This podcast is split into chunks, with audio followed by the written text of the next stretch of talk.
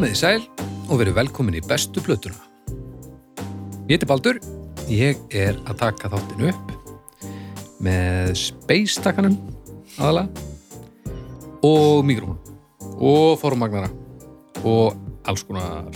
Hjá mér eru tveir menn eh, hinga komnir með skýrtmissjón sem er að tala um tónlist. Annars vegar er það doktor Arnar Eggert, doktor í tónlistfræðum frá Edinborgar háskóla og Edinborg er í Skotlandi. Alltaf að læra. Hægt. Mjög og svo er það Snæbjörn Ragnarsson. Hann er uh, ekki doktor. Nei. Hann er snjall. Ég held að hann myndi taka greindægistölupróf frá 1994 myndi hann skora mig hátt. Uh, og uh, já, komið sælir. Gott að sjá ykkur. Já, gott að sjá þig. Já, takk, takk. Eru þið í stöði? Bara, Já, já, já, já, já, já. Eftir, Já. eftir gríðarlega bara til kaffimaskinu hérna, það er gríðarlega stuði Já, Ég er ekki þetta að var, smakka þetta, hérna, svo blandaði ég saman hérna í brúsan Ég já, veit það ég held að, það hefði verið snjált, sko. Það er svona aðeins... Já, þetta er rosalegt, wow maður. Já, við erum að möndla við kaffi. kaffið hérna og við erum bara tilbúinir. Já, ég held að þetta sé komið já, hvað klikkaði í kaffimálum? Ég held að doktorinn hafi ekki malað þetta alveg nú fínt Ég hef sett þetta í vaskinu og það voru það voru ansi grófir könglarnir hann Ah. Stíplaðist held í velinn Ah, En það skal nú fylgja hér, fylgja hér sögunni að kaffimaskina hérna frammi er svona svolítið eins og lata sport. hæ? Maður leggur svona á stað og veit ekki alveg hvort maður áttur að komast á... á Hún er leiðarenda? alltaf, alltaf tröst Þessi? Já, Nei, hún er það ekki, hún er algjört rast. Nei, hún er frábær gamlar þá hellið þú upp á kaffinæst, þetta er gott að heyra. Já, ég vil bara, ég vil koma inn á það að það var enginn að gera neitt þannig að doktorinn bara reyðist í verkefni og, og hérna, Já, Já, já, já, já klálega, sko. Og e e gerði eitthvað. já, Já, gerði eitthvað Þetta, er, þetta, þetta enda allt vel. Við, Já, við, við við, erum að það er kaffi- með þess að fyrir vikið er hérna einu og hálf lögun, þannig að það er kaffi frammi með þess að þetta, þetta klárast og ég veit ekki hvað og hvað, sko.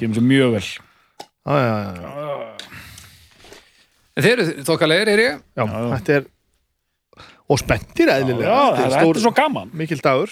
Já, þetta er, þetta er, uh, þetta er átakadagur Já, þetta er nú verður, nú þarf að gera það sig, sko. og þessi fyrsti þáttu dagsins, hann er nú ekkert, ekkert smámál. Nei, hann er rosalegur Þetta er svona næstu í framhaldsáttur, sko. Framhaldsþáttur, Já, ég meina, við vorum, erum eiginlega búið með part 1 af af þessu, þessu, verkefni. myndur kalla það part 1? Já, ég meina, þetta, viss, þetta lítur að tengjast. Við, höfum eftir að tala mikið um. Þetta tengist augljóslega á einn máta, en það fyrir utan. Nei. En það er hansi mikill máti, samt, Já, já, svo sem.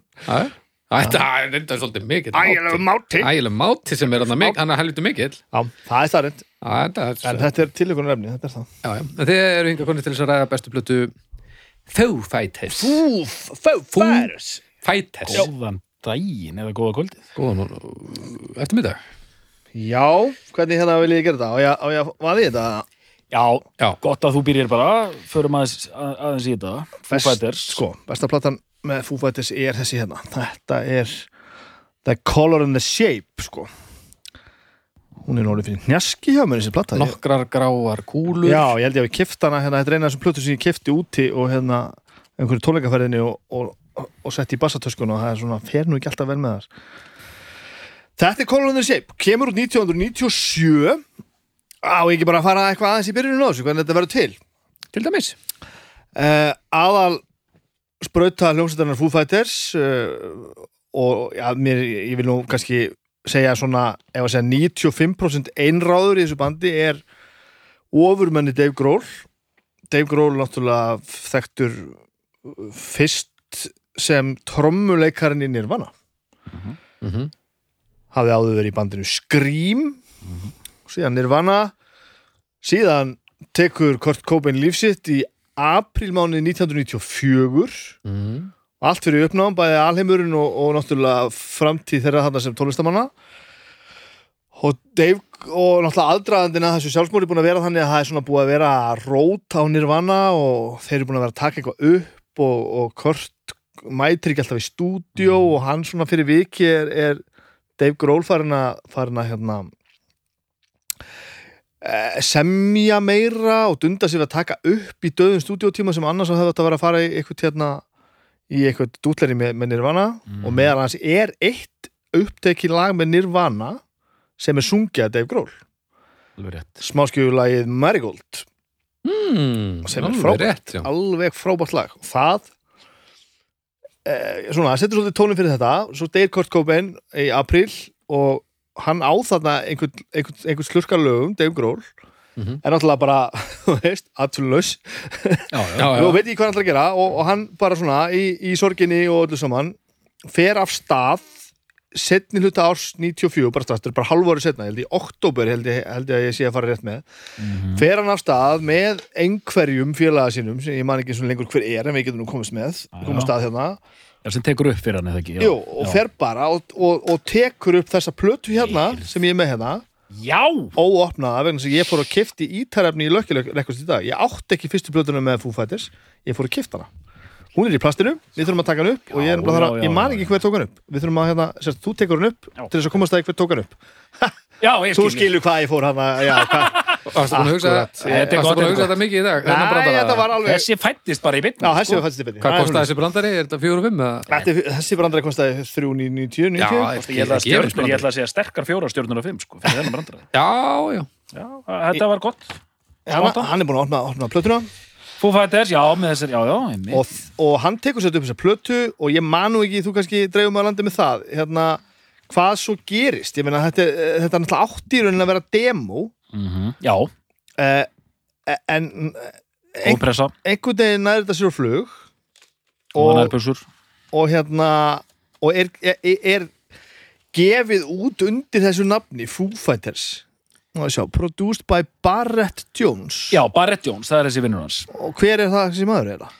Ég- ég held, mér minnir að þetta sé jafnvel einhver gamall félagi hans úr að því að sko hann fæðist einhver staðar í Ohio eða eitthvað. Já, hann fæðist í, í Ohio já, já, og þú, hérna þú veist, síðan er hann allt í hennu komin til austurstrandarinnar að tróma með skrím og síðan fer hann allt í hennu alla leiðin yfir á vesturströndina. Þetta er mjög, mjög áhugaverið fyrir sko. mjög áhugaverið ferill og, en þetta demo Já, eða sem þetta var tekið átt að vera demo en, en, en, en minna, hvernig verður demo að, að plötu? Er hvað? það alveg, er alveg rétt ég, nefnilega, það vill svo skemmtilega til að ég var bara að lesa og það, ég, ég tengdi það ekki eins og saman að ég er með Mojo blað heima það sem er viðtal við uh, Dave Grohl Mhm. og Foo Fighters í raunni út af plötu sem á að koma út í ár held ég mm. Eða átt allavega að gera það. Það er, hún er á COVID-hold bara og þá er hann einmitt að tala um, um, um þetta og lýsir þessu svona á mjög grólegan hátt að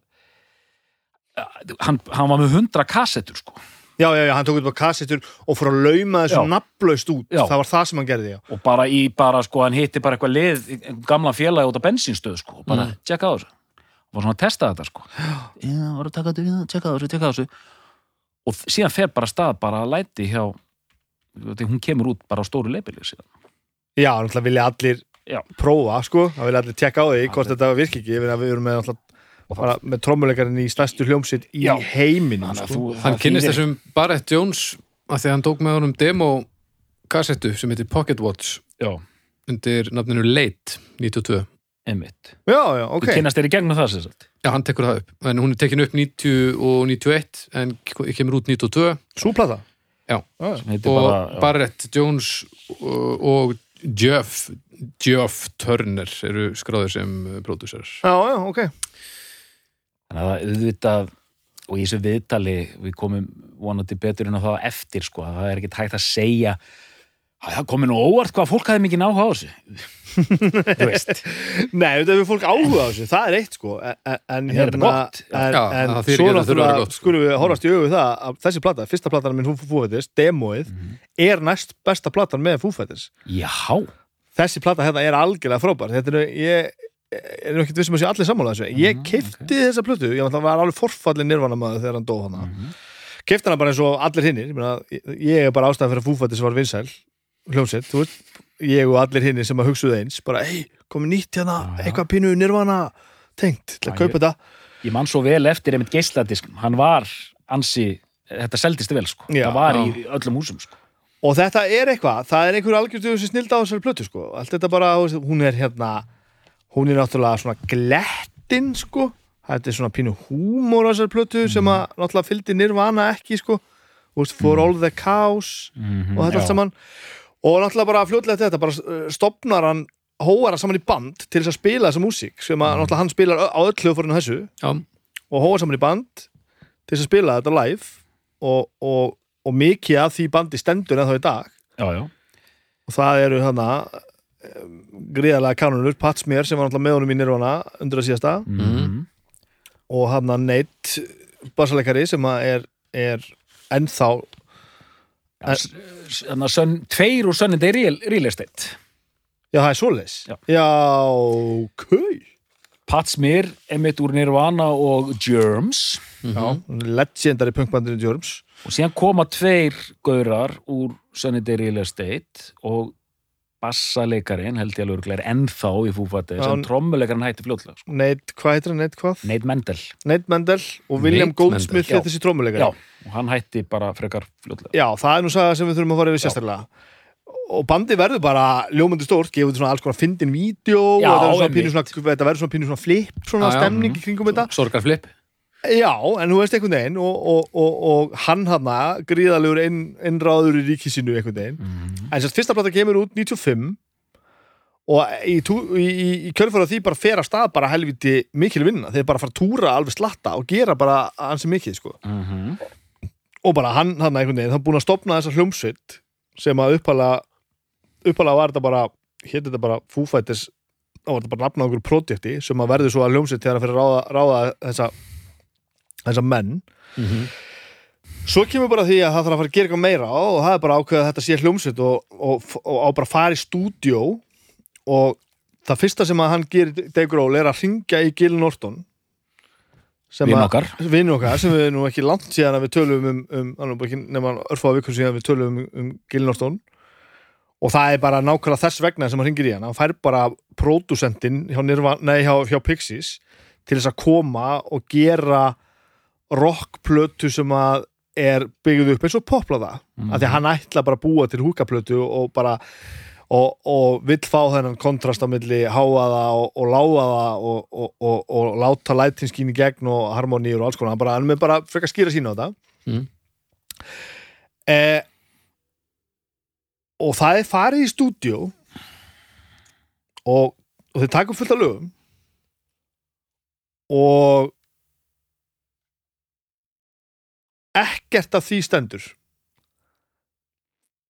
En það er farið í stúdíó og þeir taka upp, taka upp held ég öll, öll lögin. Mm. Jú, það er eitthvað pínu til þessi stendur. Og þau og þeir hérna bara klára það, fara heim eitthvað fara svo held ég í eitthvað annað stúdíu eitthvað þeir koma aftur í sama stúdíuð nei, fara eitthvað, af því þau fara fljúa þannig að milli einhverja fylgja held ég. Og allir tilkallaði til að gera overdub nema William Goldsmith trommuleikari, Mm. hann var einhvern veginn ekki bóðaður á giggi að því að Nei, nei, nei, við ætlum bara að taka einhver óvöldöp og syngja eitthvað dót hérna í viðbót og svona. Þannig að þú þetta ekkert að koma, segir Dave Grohl. Og svo fara hann að fara yfir lögin Og verða svona helviti saman um það að þessi trommuleikur sé ekki alveg nú góður. Og og, og hann konfrontar William Goldsmith ekki, ekkert með það sko. Heldur hann fer bara og trommar inn öll lögin aftur nema tvö og þessi tvö eru nú ekki eru nú ekki mest krefendi lögin á plötuna, það er þannig að Doll sem er fyrsta lagi sem er náttúrulega eiginlega bara intro. Og held ég Up in Arms sem er náttúrulega svona fyrir ekki rólegt og svona og eiginlega guðum að vita hvað hann leti þetta standa. Nema vegna þess að hann, þeir fari yfir það bara og ákveða það, hann skuli bara tromma það sem að þeim finnst bara ekki vera nógu gott.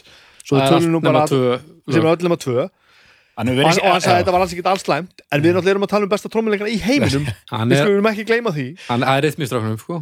Já, já, heyrðu, já, nei, heyrðu, ég skal bara tróma þetta það vilt svo til að ég er besti róktrómuleikar í heim og það er, það, það, það er náttúrulega rosalegt. Já, þetta er pinnu niðurdrefandi en það sem að gerist líka er það hann, hann er auglustlega, segir honum ekki frá þessu mm. Já, sem er náttúrulega douchebag move sko, og bara enda, enda með Nate Mendel segir honum þetta bara síman og, og William Goldsmith verður náttúrulega brjálaður. Mhm. þú veist, já, já, sem, er, sem að eitt og sér er nú eiginlega frekar huga að vera brjálaður þegar þú varst að rífast við, við Dave Grohl. En, en öll, öll sagan í kringum þetta einhvern veginn sýnir það alveg að þarna 96-7 sem er þá tveim, tveimur, þreimur árum eftir að bandið er stopnað og hann hefur sagt það sjálfur, Dave Grohl er hann ekkert alveg vissum en þá að þetta sé hljómsveit eða hvort þetta sé bara hann stótt Mm. og hann segir bara, ég var ekkert vissum að ég var hættur að tromma þú veist, þetta Svo var bara ekki komið á það stað að þetta væri bara einhver starfandi hljómsveit. Þetta var bara þá projektið mitt. En hann segir eins og líka, ég vildi ég hefði gert þetta öðruvísi, ég vildi ég hefði komið þessu öðruvísi frá mér og talað öðruvísi við hann. Því að svo, það næsta sem hann segir bara já, já, við ekki að fara að túra. Og William Golds, Goldsmith segir bara, uh, tróttu sér býr raskat til þær og fer hann var ekki að rekka hann á bandinu sko. hann var alveg til að, halda áfram sko. Ef Goldsmith hefði viljað fokka honum alveg upp að hann átt að skjóta sér í hausinn.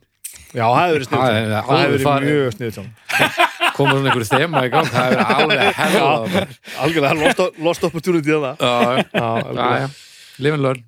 Eða þú veist. En allavega, og þessi plata kemur út og náttúrulega breykar alveg, alveg big time sko. og það þarf að fá að, til þess að tromma þetta. Og hann náttúrulega, þú veist Dave Grohl náttúrulega bara búin að taka úr ramaskítarinn og syngur þetta fyrir þá sem kannski eru alveg glærir á hvað fúfættis er og náttúrulega bara stendur upp frá trommustólunum á sviðinu hjá Nirvana og fer bara og hengir á sér ramaskítar og syngur sem náttúrulega sem má rífast um hvort það geti mögulega verið stærsta afreg rock sögunar að hafa staðið upp af trommunum hjá Nirvana til þess að taka frontstöðuna hjá Foo-Fighters Þa, það er rosalegt afreg sko, að bara láta þetta gerast. Það er vel gert að, að púla þetta sko og hann sem sagt hérna, svo ég klári bara þetta, þetta niðurlega hérna Mhm. einhvern veginn, horfir í kringu sig og talar við alla sem hann þekkir og bara hérna hvaða trommari getur gert þetta og hann sem sagt hafði þá fyrir einhverju síðan séð Taylor Hawkins tromma með Alanis Morissette Mhm. af því að hann var að túra með henni mm. og og ég man ekki hvernig það kemur til en allavega sem sagt hérna allavega hefur hann bara svona samband og segir við erum að fara að túra hvort það sé einhver séns fyrir hann að hliðra eitthvað til hvernig staðan sé á, á hérna í, í dagskránni og honum veist, við erum með hérna band sem er svona þú veist, þetta er svona gæti mögulega orðið eitthvað hérna, þetta er Foo Fighters við veitum ekki alveg hvernig það stefnir hérna eh, þú hérna með þitt öruga borgaða stóra gig hérna. Alanis Morissette menn Alanis Morissette á þessum tíma er alltaf algjert skrimsli sko, Já, já. Spila bara stadium gig eftir stadium gig á fullu sko. Mhm. bara hérna, hvort við getum eitthvað fundið út hvort við getum komið kannski og hjálpa okkur aðeins með hann á túr. Og Taylor Hawkins segir, herru ég kemur morgun. Að hann bara, bara setti trómukjöðan og trómukjöða törskuna sína og, og, og sa- sagði upp hjá Alanis Morissette og flög bara og byrjaði í fúfættis, bara svona. Já, og hann lýsir þannig sko að hérna aðal ástæðan fyrir því hann gerði það var það að hann langaði að vera í hljómsveit. Já, já. Þetta var ekki bara það að Dave Grohl var einhver, eh, hérna, einhver snillingur og risastór og eitthvað svoleiðis. Hann langaði bara ekki að vera svona hired gun Já. hjá einhvern popstjörnu. Hann vildi bara uh, vera í hljómsitt en svo talar hann þetta mjög vel um Alice Morissette og segir að það hefði verið frábært tími og það allt saman sko. og það bara er sett í gang. Og þarna nákvæmlega á þessum tímapunkti er mannskapurinn í Foo Fighters eins og hann er núna mínus hann að gítarleikarin sem að er að þriði gítarleikarin já, já, já. þessi Dave Grohl og Pat Smear Nate Mandel, Mhm. Taylor Hawkins og hvað heitir hann að Chris Stiff Stingbird Ah. hvað heitir hinn gítarleikarin? Chris eitthvað? mm, mm, mm, mm, mm. Chris Shiflett Schiffler, já, Shiflett, Schifflet já, Einmitt. einmitt flottur og Já. Uh, svo ég tekið aðeins lengra Mhm. eh, hvað vil það tekið langt? ég get alltaf að tala ansi lengi uh, Þetta er slegra sko, það, uh, þeir túra og þetta verður stækkar mjög hratt og það, það er farið mjög harkalegar aðgerir við að kynna hljómsveitina Mm. bara, það fyrir bara mjög svona öflugt kynningastarf í gang sem gengur rosa mikið út af það að kynna meðlim í bandsins ok sem gengur út af það nú finnst mér eins og ég sé að segja eitthvað sem þú ætlar að segja þetta Nei, ég, nú, gengur- nei, nú er að segja mér frá, ég er ekki alveg viss. gengur sem svolítið mikið út af það að slá á þetta að þetta sé bara Dave Grohl Já, ok. Með þetta átak hjá... Já, það, og það er bara sko það, það er bara publishing company og, og, og þeir og eitthvað og það er bara sko allt í unni Pat Smear farin að sko er hann bara í öðru hverju gítarmagasíni og sko tískublöðum Já, þú veist, ok. að ræða fatatísku og þetta er bara mjög útpælt Ok. og, og, og, og stækka býsna hratt og, og ég veist, þessi Colin Shape, þessi platt sem við erum að tala um núna sem þarna er þá komin út og þeir eru að byrja að túra verður náttúrulega verður náttúrulega mjög hratt, mjög stór sko. Og náttúrulega singlandir af henni bara Monkey Ranch og hérna og Everlong, sérstaklega Everlong verður bara, Já, verður bara eitthvað svona algert skrimsli sko. æ, og þetta er ekki skytið, þetta eru ógæðslega góðu lög. Já. og svo ég tekið það þá aðeins lengra er það að í þessu kynningastarföldu saman lætur Pat Smear alltaf svona í það skína að hann ætli svo bara að hætta í bandinu sem er svo ótrúlegt sko og enginn veit af hverju almennilega hann bara, er einhvern veginn bara og og það, það fer eitthvað að kæfta sér í gangum þetta og, og hérna, og allir meðlum í bandins bara neini, þetta er bara að kæfta sér en svo bara hættir hann í bandinu á miðjum tónleikum Já. og hann hann Stahl, hvað heitir hann? Staffan uh, Staffan Olsson Nei, eitthvað Stahl sem var með honum í skrím. Uh, Frans. Frans Stahl, Frans Stahl hann tekur við á miðjum tónleikum einhverju, einhverju sjónvarpskiki þetta til þegar Patsmið segir bara takk fyrir, ég er hættur í fúfætters og bara hinn labba bara inn á og, og bara tekur sitt fyrsta lag með bandinu. Og það er til viðtölu við Frans Stahl þar sem hann segir að þetta hafi verið bestu mánuðu lífsans þá til að hann var ekki nú bandinu og þá byrjar Chris og svo mörgum mörgum árum setna þá byrja Patsmir aftur mm þannig að þrátt fyrir alltaf mannskapsrót í bandinu þá eru bara tveir sem eru ekki í bandinu í dag sem hafa verið í bandinu Mm. mm. Goldsmith og Frans Stahl -hmm. og og mér er sér að komi núna sjötti meðlumir or orgelleikari. Já, já, akkurat. Já, já, já, já, Ra Rami.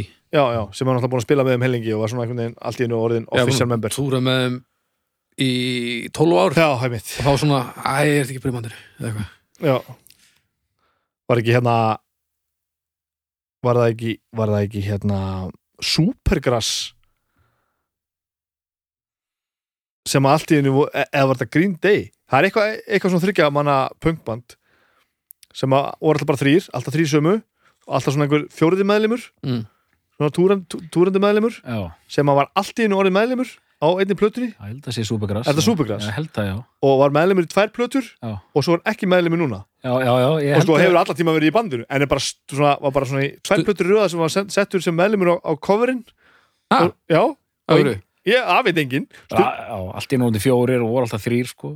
Þetta er svo bassarleikarinn Rolling Stones búin að vera um 25 ár, veit engin hvernig það lítur út. Já, en ég meina, Hann getur labbað hérna inn og satt hægur bara, já, bara, maður, en meina pældi í þessu að tenurinn þrýr hefur búlað þetta. Allt í nú eru fjórir bara í tvær plöttur og svo bara nú þrýr aftur og ekkert útskýrt og þetta er maður brjálaður og þrý tenors en samt mynda fjóra fram já, já, og svo bara einhver eitt svona einhvern veginn og hérna, hvað, ég, vill að ég fari bara með alla söguna? Eða? uh, Hvað er árið- Hvernig líður þér Arnar? Ertu, ertu orðin, þú ert búin að vökva hérna hver gætar svolítið vel Sko ég, hérna Já, ég veit ekki Ertu sammála þetta sem hann er búin að segja? Nei, já, sjálfsög ekki sko. Nei, nei, já. Þannig að hérna Eh, Sko, En- við, en við sko, erum búin að fara í gegnum hérna, mannskapin og svona Já, hvernig förum bara, höldum bara áfram Höldu bara áfram ok uh, bandi verður augljóslega mjög stórt túra hann 97, 98 Mhm. og 99 kemur þriðaplatan sem er hérna hérna mm, Hérna- já, There's nothing left to lose. Nothing Left to Lose. Nakka, nakkaplatan. Og það er frá, já, nakkaplatan eins og það er nakki á, já, Já, ekki, ekki, nei, með, með FF tattúið í nei. Þó, þó að Foo Fighters hafi öruglega verið rosalega brjálað bandi í, í eirum nakka sko. Þetta var nakkvænt sko. Og svo plata er þriðja besta plata Foo Fighters Ok, já, já. Þetta er mjög gott. og það, það er, það eru glæsilega hlutir alveg glæsilega hlutir sko. Já, og það er einhvern veginn svona og það er mitt hérna uh, Taylor Hawkins hefur nú komið hérna uh, það er svo mikið, það er svo mikið kæfta sigur um að sem sagt, Dave Grohl hafi alltaf trommað allt inn á allar plötuna með, með, með Foo Fighters. Já, og, og Taylor er einhvern veginn sko, það, svo er alltaf verið að rífast um hvort Taylor Hawkins sé besti vinur hans eða bara tíkin hans sko. Já, ég, þú það sé bara svona, svona eldandan eins og hundur sko. og, og ég held að það sé nú nokkuð ljóst að það er ekki þannig. Ég held að það sé ansi mikið vinasamband á milli. En það er staðarind að hann kemur hana og hann trommar mjög lítið á þessari plötu. Nothing left to lose. Já. og hann segir sjálfur bara ég reyndi það og ég bara ég hafði þetta bara ekki, Já. ég hafði lítið trommað í stúdíói, mm, ég var með besta trommuleikar í fucking heiminum já, já, með mér í herbygginu gerum það bara. Og, og hann er pín að segja bara William Goldsmith, ég ættu bara skít. Þú veist, þú er bara montin lítill skítur. Bara, þú veist, áttaðu bara á því hvernig það er. Og hann sem sagt ræður ekki alveg við þetta verður kannski að fylgja sögunni sem að kannski fylgir ekki alltaf að þannig Taylor Hawkins orðin helvíti góður í að í eiðalega sig á eintöljum Já, já. Er Hvað hann var hann að keira svona helst? hann var svolítið í ansi duglegur í heroininu Klassik. Og, Og, en þessi plata gengur, e, e, kemur út ógeðslega góð, hvað heitir hann aðalsingullin hana Lunduflæði Learn to Fly, nákvæmlega, frábært lag. Þetta er svona aðeins mýkra einhvern veginn en, en bara, þú veist, þetta er bara, þetta er bara svo gott. Þetta er bara drullu, drullu gott. Mm. síðan kemur árið 2001 Og tvö. fyrst kemur 2001, svo kemur 2002 árið 2001, Og undan 2001 var 2000 það er bara þannig sko. Byrjaði að gera nýja plötu, fjóruð plötuna. Og það gengur eitthvað styrlega Mm. og einhvern veginn, þetta gengur eitthvað illa og það ger pása og það er allt að springa og þeir eru búin að túra æðilega mikið og allir rónir óvinnir einhvern veginn, að komið æðilegt nutt í allt saman. Mm. ég man ekki hvar í, í ferlinu. Já, já, já, já, já, einmitt já. Já, skiptir ekki máli. Frans Stahl var náttúrulega fyrir Nothing Left to Lose Já. og Taylor Hawkins overdose 2001 og bara er bara, bara rétt að segja döður sko mm Og- Já, alveg rétt. og, og svo bara einhvern veginn Hann kann að velja sér vinnina já, Dave. þetta er flott hjá Já. og einhvern veginn nær sér svo tilbaka hana mm. einhver staðar í ferlinu hana hætti Med- Mendel í, í, í sko 15 klukkutíma eða eitthvað og Dave Grohl segir söguna því hvað þegar hann fór einhvern ævintýralega bendir að held að bandi var í búið eða eitthvað allavega og þeir fara svo loksins einhvern veginn og, og taka upp í, með herkjum og einhverjum einhverjum einhverjum bitum og eitthvað, þú veist, alls konar tímabilum og allt eitthvað vola fókt upp, fjóruðplötuna sem er One by One. Mm og það gæti mjög sannilega verið lélegasta plata fúfættis hún er algjert sorp sko.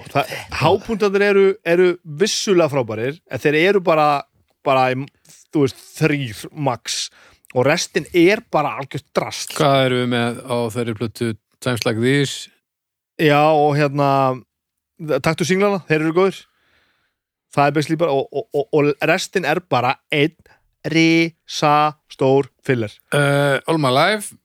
Sem er frábært lag. Hvernig, hvað lag er All my life I've been looking for something Something Já, já, já, Uh, Times Like These, annar uh, singull Low og Have It All Halo.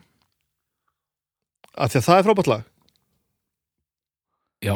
oh, Ok, ok, Bittu, ok, bittu, ok. bittu Dótturinn er greinlega búin að vera að vökva ratböndin af ástæðu. Já, nú er hann Hann er að fara að hlaða í eitthvað helmentað yfirdrull Ég held að þú er að fara í völunar sko. Já, ég ætla, ég ætla, finnst ég kom svo langt á þetta ég bara að fara með þetta allar leið. Ok, Ok, það er konar fjóra plötur. Ég held að séu níu í allt og tíunda platan er klár og upptekin. Átt að vera komin út. 25 ára ammali bandsins í fyrra, í ár svona verið eftir hvernig þú- hvernig hérna hvort þú ert að tala um svipur og dóttunum Mér líður svona eins og ég sé á svona útsýnispallinum fyrir utan hjálmstýpi og, og úrukæðir og allir eru svona bara að rölda í hlað og eitthvað. Og plötunar sem eftir koma ég hef búin að, ég, ég hef lustað á allar á einhverju tímapunkti eh, eh, suma meir en að- aðrar og þær eru þær bæta ekki miklu við skulum við segja. Hvað heitir það 2011 platan? Þarna, Wasting Light. Ekki, já, það, hún, það er svarta platan með hana regnbóa andlitunum framan á það, Mikið verið talað um hana Já, hún er, sem... hún, er, hún er eiginlega ábærandi best af þessu setjum tíma stöfi sko. hún, hún er alveg ljómandi fín, hún er Ok. okay. öðru vísi það er svona, að dimmt yfir henn oft eh, þar fyrir utan er náttúrulega bara getur maður ekki annað heldur en fylgst bara með að kemur ný fúfættisplati af því að þeir eru náttúrulega bara svo glæsilegir það Mm. er bara einhver ótrúlegu balans komin í bandi og, og alltaf að gera eitthvað nýtt og hann endalust að, að, að pródusera og framlega einhverjar heimildamindur og Já. heimildaþætti og hann að Sonic Highways platan Já, ævintýralega svalt pródekt í kringu það. Þeir tók alltaf upp eitt lag í hverju stúdíu út um all bandaríkin. Já, já. Og gerðu náttúrulega heimild að þátt að serju serja um sko eh, hver þáttur var sko um stúdíu sem voru að taka upp í mm og tilur lagsins og endaði svo á tónlistarvídeó sem var tekið í, upp inn í stúdíónu -hmm. ævintýralegt projekt, ógeðslega flott alltaf gera verkum að sko, útgáfa plötuna var risastór og, og svo leiðis Mhm. og það lang sísta við allt þetta projekt er tónlistin á plötunni því að hún er alveg óeftirminnileg hún er ekkit, Já, já. ekkit raugna doktor Já, sko, ég fattar stundum ekki að, að, að þið viti ekkert hvað ég er að fara að segja sko. Nei, ég- Hérna, ég Nei, bara, nei, nei. því ég er, ég er þú til dæmis með Sonic, já, það, ég, ég er fullkomlega sammála, sko, en, en einmitt, já, ok og, og þú veist, og það eru komið á það stað, að hérna að gömlu kalla rockið sem er á hérna þessari bláu plötu hérna, Color and Shape, Mhm. sem er frábær heldur ekkert út í þess að þetta marga plötur sko. það, veist, þetta er e, þetta eru, eru gauðra sem kunna sitt fag, kunni þetta allt saman en það, það þyrft að koma eitthvað rosalega ferst til þess að þetta væri virkilega einhverju við að bæta þarna og þetta eru bara, þú veist, þetta marga plötur Já. og svo allir eru að gefa plötur núna þeir eru búin að vera að riðja frá sig núna í til og með 25 ára ammælinu, einhverjum EP alls konar svona einhverju hérna obskjúr stöffi, live stöffi kassaketsútgáðum einhverju svona hliðarstöffi.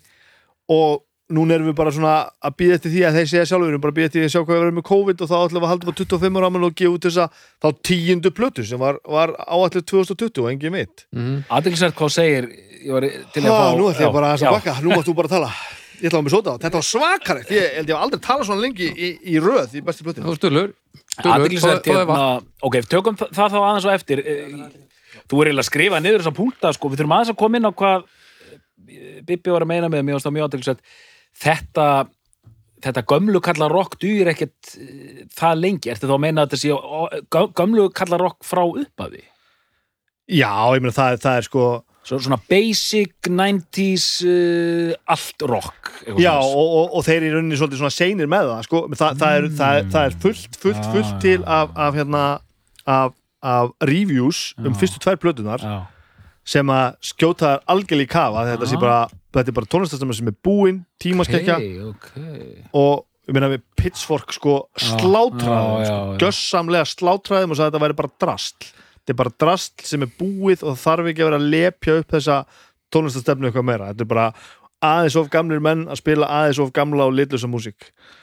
Mjög, mjög, þetta er mjög skemmtilegt og mjög gaman að velta fyrir okkur allir saman hérna, hérna með Dave Grohl, hann er svo þetta er mest likeable gaur sem nokkuð tímann hefur komið fram í Rocky fyrir Já, sér. það lítur út fyrir það sko. Og mér er svo merkilegt bara aðeins svo við gleymum því ekki, mér finnst Taylor Hawkins svo aðteglisvert fyrirbæri af því að staða hans í bandinu lítur að vera ansi örug ef hann getur einmitt leift sér bara bakka og sagt ég get ekki tromma þetta, tromma þú þetta en, en þegar sambandi greinlega það náið að Dave Grohl getur ekki hugsað sér að sparka honum bandinu stundu þegar þeir koma saman á, á tónlistarhátum og saman viðtölum það er svona bræðra bragur Já, yfir þeim já, algjörlega sko. og hérna og, En og, hann getur líka spilað Já, sko. já, já, góðu trommari sko. nei, nei, hann er náttúrulega miklu, miklu meira en það. svakalega hann er er rosalega sko. svakalega góður Nú, já, ok, ok Nú, já, eða, já, Hann er- eða, ég spyr Það hefur nei, nei, hann, er, hann er óbúðslegu trómuleikari sko. þú veist, það er ekkit rosalega margar aðstæðir sem gætu komið upp þar Mm. sem hann væri ekki látin tróma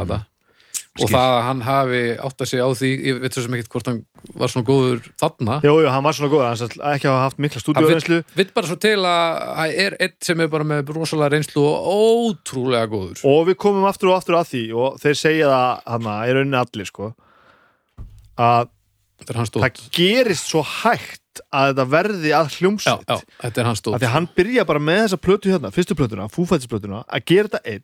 að og ræður bara einhverja tilsýn til þess að spila þetta með sér Mm.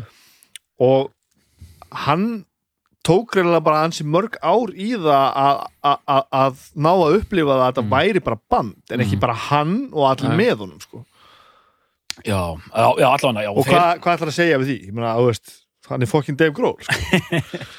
Sko og merkilega hann hefur nú gefið út soloplötu líka Taylor Hawkins já, ég Ta- aldrei hlusta á þetta Taylor Hawkins and the Coattail Riders Hefur hlusta á þetta? Gott, ég rúlaði þessi ekki einhvern tímann Þetta var, já, mjög Þú notaði gott íslenskt orðið þetta Ekki óhávert heldur óeftir þetta verð eða bara svona og eftirminnilegt óeftir, mjög óeftirminn Já. bara, rú, eik, eik, bara eitthvað dótari sem rúlaði hann í gegn sko. hérna, þetta, eh, hvernig músík? Mástu það? maður er bara eitthvað svona Er það það og eftirminnilegt? Og... já, þetta var einhvers konar country skoti rock svona eins og hérna diet útgáfa Black Rose eða eitthvað líka Hljómar vel en hérna, mér er svo merkilegt sko með ég kem rosalega slakur inn í þennan þátt af því að ég ég fylst með Foo Fighters alla mína uh, hunds og katta tíð Mm. en ég er ekki neitt ó, ég er, já, ég myndi illa segja að ég er ekki tilfinningarlega tengdur þessu bandi sko. Já, ok, ok. Ég er bara svona, já er ekkert á móti bandinu er ekkert voðalega spenntir yfir þið heldur. Nei. les öll viðtöl sem eh, Dave Grohl lætur frá sér. Óbáslega áhöfur maður. Já, fylg, fylgist með þessu öllu af, af, af, af hérna, áhuga og einmitt bara núna viðtalum daginn sko. Og hvernig hann er að því það er svo merkilegt að því meina við vitum alveg popbransin er oft bara leikrit en ég ætla bara að segja það að, og ég, það hljóma kannski mjög bannalega en ma maður bara, ég, ég bara trúi öll sem sem maður segir sko. það er sama hér alveg þetta er bara maður sem þú vilt fara með ef ég væri ennþá á, á, ef ég væri ennþá að drekka sko. þetta er maður sem þú vilt setjast niður með bjór og bara, Já, og eiga já, gott já, já. og hann, hann- þú veist, hann er bara það er ekki, það er ekki tilhjör að hann var síðasti hérna, maður og mælendaskrá í hérna, jarðaförunas lemmi sko. Nei, svo það ræða er rosaleg maður bara shit is real sko. Og þeir náttúrulega miklir, miklir vinni sko mm. ótrúlega flott saga hann segir, sko, hann, hann, hann segir, ég mun aldrei gleyma því að ég labbaði nýra barinn ná Rainbow Bar and Grill og, og Lem, Lemmy segir það fyrsta sem Lemmy segir við hann bara sorry about your friend Kurt já, þeir eru að pissa þetta er, Bara- að, þetta er ekki ná Rainbow Bar þeir eru Já, á ok. einhverju velunafendingu ok, og þeir hittast á klósettinu. Og það fyrsta sem ég sagði við hann sorry about your friend. Og bara þú veist og hann- þetta er, og Lemmy þetta þú veist. en hann er sko eins, og, og þannig að eins og fyrir þennan þátt ég er komin hérna hérna þú veist, ég er ekkit með neina sérstaka skoðun þannig sko. Engi hjólasaga? Engin hjólasaga, jú, en ég er búin að hlusta og hlusta. Hjóla, Hjóla. hjólasa Hjólasaga. Hjólasaga, Þú ert búin að hlusta? Hjólasaga? Já, þú veist, alltaf þegar hlutin skiptaði máli, varst á hjóla eitthvað eða labba eitthvað eða Þú ert alltaf hjólin að þú ert hlusta. alltaf að hjóla að hlusta þegar eitthvað skiptir hjólasaga. máli. Hjólasa þú er ekkert hjólað fyrir fú. Hjó- hjólasaga? Ekkert hjólað fyrir fú. Seg, já, þú ert alltaf á hjóli þegar eitthvað skiptir máli. Þú ert ekkert hjólað með fú, fú neitt. Ég er að að því að það er svolítið erfitt að- skemmduðu þig? nei, nei, nei, nei, nei. Nei, ok, gott. Já, með fú. Já, hjóla, hjólað með fú. Og ég ekki bara fara í gegnum plötunar frá fyrstu til. Þetta verður svo gott og gaman. Ég bara sé enga ástæði til þess að þú gerir það ekki. Svo Ég ég man- þess að ég er búin að því þá er best að þú gera það líka. Ég ég held að það verði ekki eins. Mér, hei, mér sýnist á svipnum að það verði ekki eins. Ég man, ég man eftir fyrstu plötunni mitt að sjá þennan geisladisk sko, hérna Kramdan og Klestan og í öllum þessu partíum sem maður var í á þessum tíma 95 Já. 95 þá er ég 21 ás og maður er einhver partíum alltaf að drekka og, og hérna og þar er þessi notabene geisladiskur, þetta er þetta geisladiska tíðin. Já, já. og hann er hann út um allt sko, í öllum hérna hanskahólfum og, og, og bara ég veit ekki hvað, hvað. og fólk er bara að hlusta á Bjössi vinnu minn sko, hann var búin að kaupa sér hann disk og, da, da, da, og maður hlustaði og bara já, svona já, flott, flott. Fílaði hérna, því að þetta er svo sterkir singlar alltaf, sko, fílaði til dæmis hérna, hvað heitir þetta? hérna This is a call, flott lag sko. Og hérna I'll stick around og það er bara þetta, þessi, þetta er svona melody rock innsæði sko Mhm. og hérna sjálfsögðu mun ég koma eins og í öllum þáttum kem ég að mínu, mínu uppáhaldsjónsett húskar þú, einhvern tímann hérna á eftir já, já, sjálfsög, sjálfsög, og sjálfsög. hérna þetta er bara, þetta er melodíst neðanjarða rock en sko ready made fyrir útvarp á sama tíma já, já. og það er ekki skrítið, ég var að lesa um þetta þetta var, þetta er nú ansi góður árangur að þeir verða meina hvenar heldur þeir einhverja sko tvoða þrjá, þrjú deiti röð á Vembli, það var bara fyrir fimm árum síðan eða eitthvað sko, Já. Eitthvað 2013 eða eitthvað bara, Já, þetta er svona einhvers staðar milli 5 og 10 ár síðan Já, og bara, þú veist, Foo Fighters bara, þú veist, þannig að, þú veist, línan sko er, er upp á við, sko. já, Já, já, já, já, það er alveg stemmari fyrir þessu störa, sko. En síðan, sko, en ég hef ekki hlustað, og þannig að, þú veist, það er svo erfitt að byggja á einhverju að, þú veist, að vera að hlusta á Foo Fighters katalógina tveimu dögum fyrir, fyrir útsendingu. Segir voðalega lítið. Já. Þannig ég hef ekki lifað með þessum plötum og til dæmis, ég hafði aldrei hlustað á Color and the Shape sem plötu. En ég hafði Já, heitt, ok já, þú veist, þannig, sko. Já, bara aldrei. raunin ekki sko, þú veist, svo þessi maður, maður þekkti, jú, jú, jú, jú, jú, og séðan svo Color of the Shape svo fyndið sko, að ég henni núna í gegn, ég ég þekkti svona, já kannski, kannski vel flest lögin en ég hafði aldrei hlustað á hana sem heila plötu. Já, Skil ég. ok. Eða maður fengi að rúlla eða eitthvað álíka Já. og bara, já, helviti gott. Og miklu betra en mér finnst þetta, mér finnst þessi standard álítið út í katalógnu sko, þetta Fyrsta maður- platan? já, Já, já, Þú veist, hún maður hei- gerir það. Já, maður heyrir alveg að þetta er svona hrátt og demo Þetta er og, bara og, prototýpa af fúfættis já, já, svona prototýpa og krútlegt og flott og allt það sko en ég skil hvort að meina Bibi, hún svona stenduði nærri Já, hún stendur vinnari. Já. Ég hef bara keft hann að glæði nýja og, og, og, og, og mér fannst hún bara drullu góð, sko. ekki með þessi, bara stuð Mm síðan kemur hann rauða og svarta platan hann There is nothing left to lose. Nei. Já, það, það er nakkaplatan Já, nakaplatan Já, já, já, það er já, One by one. Já, one by, One by One kemur 2002 já, hún er líka svart og rauð. Ok, hérna, nakaplatan nakkaplatan er bara svarkvít sko Já. Hún er bara svarkvít Já, já, Nakaplatan, já, og nakaplatan bara svona, já, já, allt í lagi. Bara whatever, mér fannst hún ekki skemmtileg. Um, En síðan og nota beni, þetta er það var einhvern tíma, þetta var einhvern tíma kallað hérna þetta, þetta eru hráar tölur, þetta eru, þetta eru grófar niðurstöður. Að ég rúlaði eh, one by one. Mhm. og sko ef ég þetta velja núna þá myndi ég segja að það væri best, Nei. besta púfættispil Nei Það er, það er langversta Já, fútboltaplatan en, og en um leið segi ég, þetta eru grófa niðurstöður, ég get ekki hérna, ég get bara áallað Er ég get ekki like- neina sannanir. bara Times Like These náðu þér. Það er frábært lag. Það er er gott lag. Það er líka mikill húskari í því lagi. Það er mesti húskarin í því lagi af öllu sko. Ó, svo mikill húskarpervert að það er alveg bara fullkomin Jésús minn. En uh, fara aðeins yfir lagalistan. Hérna, hvað er þetta fyrsta lagið? Hlustar þú bara á korparsveitarlagi og hugsa bara hvernig myndi húskar þú gera þetta? Hvað segirðu, hvað á ég að gera? Húskarðu ég reyna að finna Húskar í þú, hérna, húskar þú? Nei, en sko, Hvað viltu vita um one by one. Spá, spáði þessu, fyrsta lagið er Uh, uh, uh, uh, uh, All My Life. Já, frábært. næsta lag, Low. Frábært. Have It All. Við minnir að sé frábært. Times Like These Frábært. Geðveikt, frábært, snild Disenchanted Lullaby. Mér finnst balluðnar alltaf leðilegastar sko. Tired of You. Man, man, man getur Halo. Halo, flott lagmaður Ekki flottasta Halo í heimi, sant? Nei. Það er alveg hreinu. Lonely as You. Mér fannst þessi plata rúlla bara nokkuð heildstætt sko. Sko, við komumst ekki einu sinni gegnum tracklistan að þú byrjar að segja hvað eru frábæra því að Skiptir þið bara um umræður? Mm, já, My Hero, það er mjög gott. Nú er hann hættur að vera hlaðarsætti og bara koni í partí. Hann tók bara hann tók, Í miðri upptalningu þér Tók hann kólunin sér Já. Og byrjaði bara að tala um hana eins og hann hefði bara verið að tala um hana.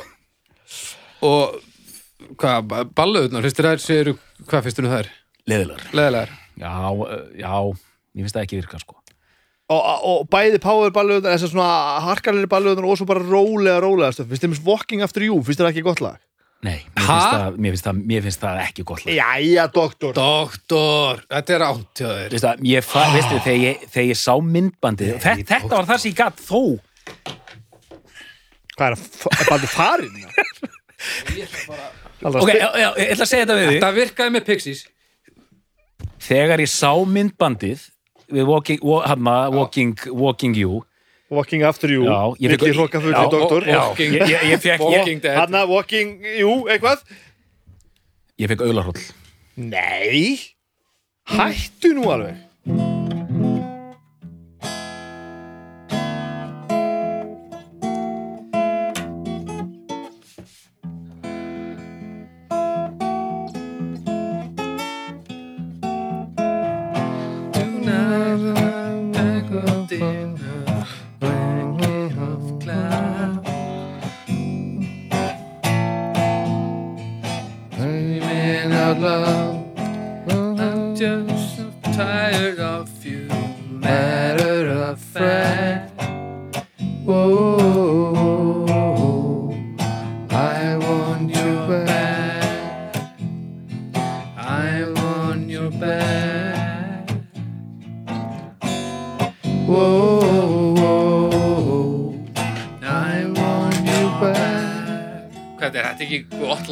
Þetta er rosalega gott. Þetta er, þetta er of If you walk out on me Walking after you. Þetta er gott lag þetta er of væmið. Þú ert of harður. Þetta er frábært stöf, maður. Ég verð ekki oft pyrraður í þessu en nú er ég pyrraður Ég held að þetta er frekar einfaldur þáttur. Nú erum við búin að komast að því að, að honum finnst rólegulögin ömuleg og honum finnst versta platan með fúfattis best. Já. Er þetta ekki fyrsta skipti sem að versta platan er best? já, ég- já, hljó- hljómaði fyrir lag, ég átt að með því. Um, já, Þú ert bara þarna. Þú hefur bara ekkert hjarta með fúfættis, ég sé það bara það, það er engin svona alvöru ástriða í þér með þetta Nei, alls ekki, sko já, það er bara alveg þannig Alls Já, ekki, já, sko. já, já, já. miklu meira bara svona eh, eins og ég sagði, sko, bara fyl- fylgist með þeim þú veist, vonandi gengur þeim vel les En- viðtölum við Dave Grohl líka vel við mannin og, og, og, og, og. Já. en getur við ekki er, er mögulega að tala um að það er líka ákveðna svona dökkar hliða við þetta band að þú veist að þú veist, þetta er of getur verið, kannski sérstaklega í seinni tíð svona ofauðvelt, yfirborskjönd Í, holt. Já, já, ég meina, þetta bara já, ég, Já, já. ég al, alveg klálega það er rosalega langt síðan að maður fannst þið vera í alvöruna bætingur við. Nema, þú veist yfirleitt hverju plötu fylgir eitthvað skemmtilegt þeir eru alltaf að Mm. gera eitthvað er Hvenar einhvern var það sem að þeir tóku plötunum meira minn upp alla live og það var einhverju sem köllu búlsitt á það já, ég, af því að ég man hún ekki var hvað á eru- vel spiluð og þá bara heldur það við bara, þarna one by one. Þá heldur við bara live tónleika og spiluðu hana bara. Nei, það er ekki one by one. Nei, þetta er nýlega, þetta er ég. One by one er bara tekin upp í einhverjum pörtum hinga og þanga og bandið er að springa og það muna engu er bara bandið liðist í sundur þegar þeir gera one by one sko.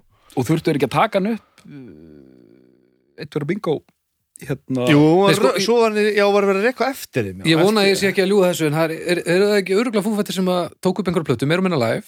Það, það passar alveg sko. Og uh, það, fólk sagði, nei, þetta er of velgert, þetta er of pródusera, þið geti ekki að tekið þetta live. Og þannig að þeir bara spila hana live í heilsinni og það er bara á YouTube, þar sem ég spila hana. Já, já, og ok það eina sem er öðruvísi er söngurinn aðeins meira og þetta er náttúrulega ævintýrlega gott þeir eru eru svo góður að spila sko, það er alveg það er svona, svona slakað á hérna svip, svipnum ekki, ekki drekka sódavatn eins og sért efstu stjættar eitthvað. Eh, sem spilarar og, og sem sko sa, samspilaði unit eru þeir rosalega góðir sko. svo er eitt sem að við þurfum að tala um í viðbútt Ég er ekki búin að fara yfir allan, alla plöðunar nota benni ef við fyrst að tala um það sem við þarfum að tala um í viðbútt ef við hleypunum ef áfram ég gleymi þess ekki sko, ég, Er- þetta er mjög stórt Er, er, þetta, er, þetta, er þetta hlaðvarp þar sem bara er, það er bara lokað fyrir doktor? Nei, ég er að segja, við, við höldum Já, ok, áfram ég skal- sorry. áfram, áfram með þig ég er að reyna að hérna, feika að ég, að ég sé ekki brjálar ég er, að- ég er brjálar sko. Þú stendur mjög vel hérna að vera, vera, vera, vera rólegur sko. Er svolítið fyrirlita Baldur var það pyrraður að ég held að hann væri labbaður út, Nei, ég út sko, mér er alveg saman hvað plötu velur en þetta er of gott lag, sko, ég, vil, ég lust ekki á svona en, en, en allt í góðu. Já, við skulum ekki sko, og, ég, ég, ég, og ég við ekki það ég, þú veist, þetta er aldrei erfitt að koma inn svona þetta því ég, ég veit að eðlilega þegar, þegar, þegar Bibi stillir þessar plötu frá hans besta plötu það þýðir eða hún ekki mjög væntum hann Ég líka kannski litar að því að þegar kemur þú hérna sem hans wingman og maður er bara hérna maður er bara rústað hérna sko ef maður voga sér að segja eitthvað. Það getur verið að hérna, við höfum átt hérna, gríðalega hatramt reyfrildi á Jónsmessunótt í Mjóðsveit um Nirvana og ég er svona að fá flashback bara Heyrðu! Við reyfist nefnilega um Nirvana uh, þá ég er örugglega 17-18 ára Já, ég, veist, já Ég er eiginlega, þegar þú sagðir þetta um daginn, ég er eiginlega bömmar yfir þessu sko. Já, afsök, enn einn afsökunarbeðni þú erum bara fara Uh, Baldur, ég vil byggja þig afsökunar á því sem gerðist í Mjóasveit árið 1999 ef mann rétt. þetta, þetta var ekki gott sko. Nei, þetta er ekki til greina mm. Já. Ég skil. En, já, ég fekk bara til svona- vonda minningar að koma upp. Já, ég bara, þú veist, sami maður náttúrulega góð- sterk tenging þarna og eitthvað drull yfir eitthvað sem þú Já. ættir ekki endilega að drulla yfir svo svona. Alls ekki drullið við lag sem að fílar alls ekki. Nei, nei, nei, á, nei, nei, nei, nei, vissulega. En nú, nú ætla ég að þagna og ég ætla að, vera, ég ætla að fara aftur í að vera Kanada og ég ætla að hleypa þér að. Sko, eftir uh, One by One, þá kemur þarna þessi tvöfaldaplata, uh, In Your Honor. Já. og ég, einmitt, ég skimaði hana fyrir þennan þátt og það var ekkert, ekkert mikið að frétta sko. hún til dæmis hefði ekki þurft að vera tvöföld. Og bara aðtiklisverð pæling með þetta að vera með rocklögin á, á einum disknum held ég já, já, það er og, svo leið sko. og, og býtu nú við. Það var eins gott ég, ég slefti að hlusta á tíu balluður með hérna Foo Fighters. Já, en þarna, þú veist, en, og, en ég er sammála þér og, og mér þykir mjög væntuði baldur. Já, um, ég sammála þér með hérna, bara restina af ferlinum, ég held að þú hafi bara líst þessu mjög vel. Ég held að þetta með þetta tvöfaldar til dæmis þetta með, með, rockplötu og balluðuplötu komið svolítið inn á að, að hann- hann er rosalega mikið að reyna að gera eitthvað pínulítið nýtt. Samanber þessi heimildaþættir samanber gera þetta live samanber þetta, sko, tvöfölplata með eitthvað svona, svona mini-koncept, mini svona og sem að þú veist er gaman, þú veist, halda þessu fersku einhvern veginn hjá þeim, þeir eru að halda þessu fersku með einhvern veginn. Ég, ég vil bara koma í að ég er engin fúfættis maður sko. þetta er ekkert mál fyrir mér. Það er bara, mér finnst þetta rosalega gott lag. Já, já, þetta snýður meður samband mitt og þitt og Dave Grohl Já, já, já, ég, ég skil. Og Já. uh, hérna, í, í, í, í karmisku hérna samhengi mjög óheppilegt að akkurat þetta lag algjörlega, verið það lag sem ég var sem gætt sirka út sem færi sérstaklega dögum akkurat, akkurat og þá var það lag sem þið þykir mjög vend mér þykir mjög vendu það, já. já. En við finnum út úr þessu. Við finnum út úr þessu og svona er þetta krak, krakka mín og hlustendur það er, svona er að tala um tónlist. Já, já, svona er Það, það er góða hlustundur uh, og Daskar hljóðkirkjunar verður nýr þáttur næstu viku, Já. það er Baldur og Arnar að gett gera upp málin. Já. Þið eru bara að fara yfir þetta. Úf, já, já, ég, já, já. Ja, allavega. Já, áfram, Já, áfram þess, þess, síðan fekk ég var eitthvað einhvern tímann að drulla líklega yfir fúfættir á, Facebook eða eitthvað og þá var með bent á það að þessi plata þarna þarna þarna, rauð, þarna með andlitin hann rauð svarta er ve- veisting Wasting? Light, Já. það ætti að vera rosalega hörð og flott plata og ég held að hún svona hörð? Já, Já, ok.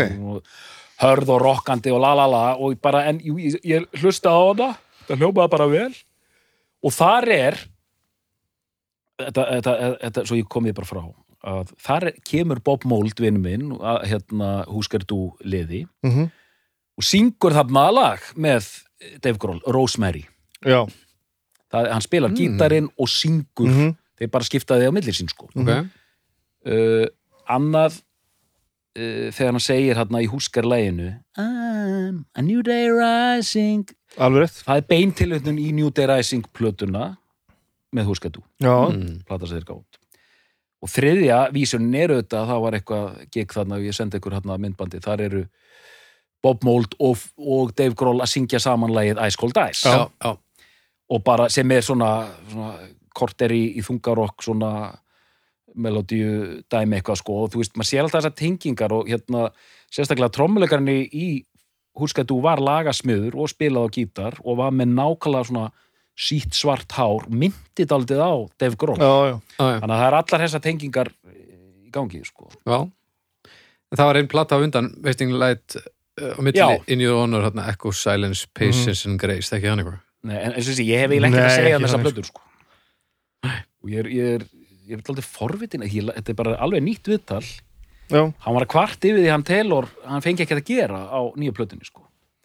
já, já, já, já. Og- Já, að býta nýju plötur sem er núna Já. já ok og blaðamaðurinn fekk að heyra þrjú lög og var að lýsa þess að þetta væri bara orðið eins og um, Arcade Fire Já, já, áhugavert mm. bara eitthvað svona, konur einhver diskotaktar og Já, fengi bara ekkert að gera því að væri bara ekki trommur Mhm. Áhugavert þetta verður áhuga En, þú veist, halda sér ferskum það er en, eitthvað en, en allt Já, byrju ég, já, kláraði þetta Svo ég sé Nei, ég, ég er búinn sko ég, hérna, ég er að hugsa um þetta en við skulum ekki bjóða við tölum bara saman á eftir ég á Baldur ég bjóða hlustendur lengur upp þetta. Ég er að fá flashback líka frá hvað maður gæti verið ömulegur sko.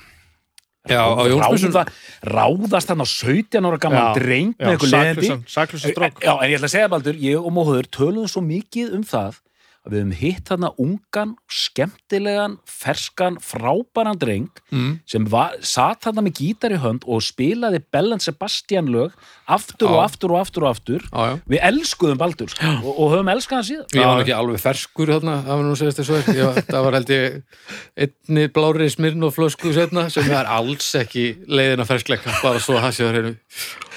En já, en, gólfið er þitt, minn kæri. Já, aldrei, aldrei skildi að fara þannig Ég fengi ekki að tala í þessum þetta Ég Ég, ég bara sjaldan tala svona mikið En Sko, Já, nú fyrir við alltaf að koma sem skipti máli með, Mhm. með þetta band sko.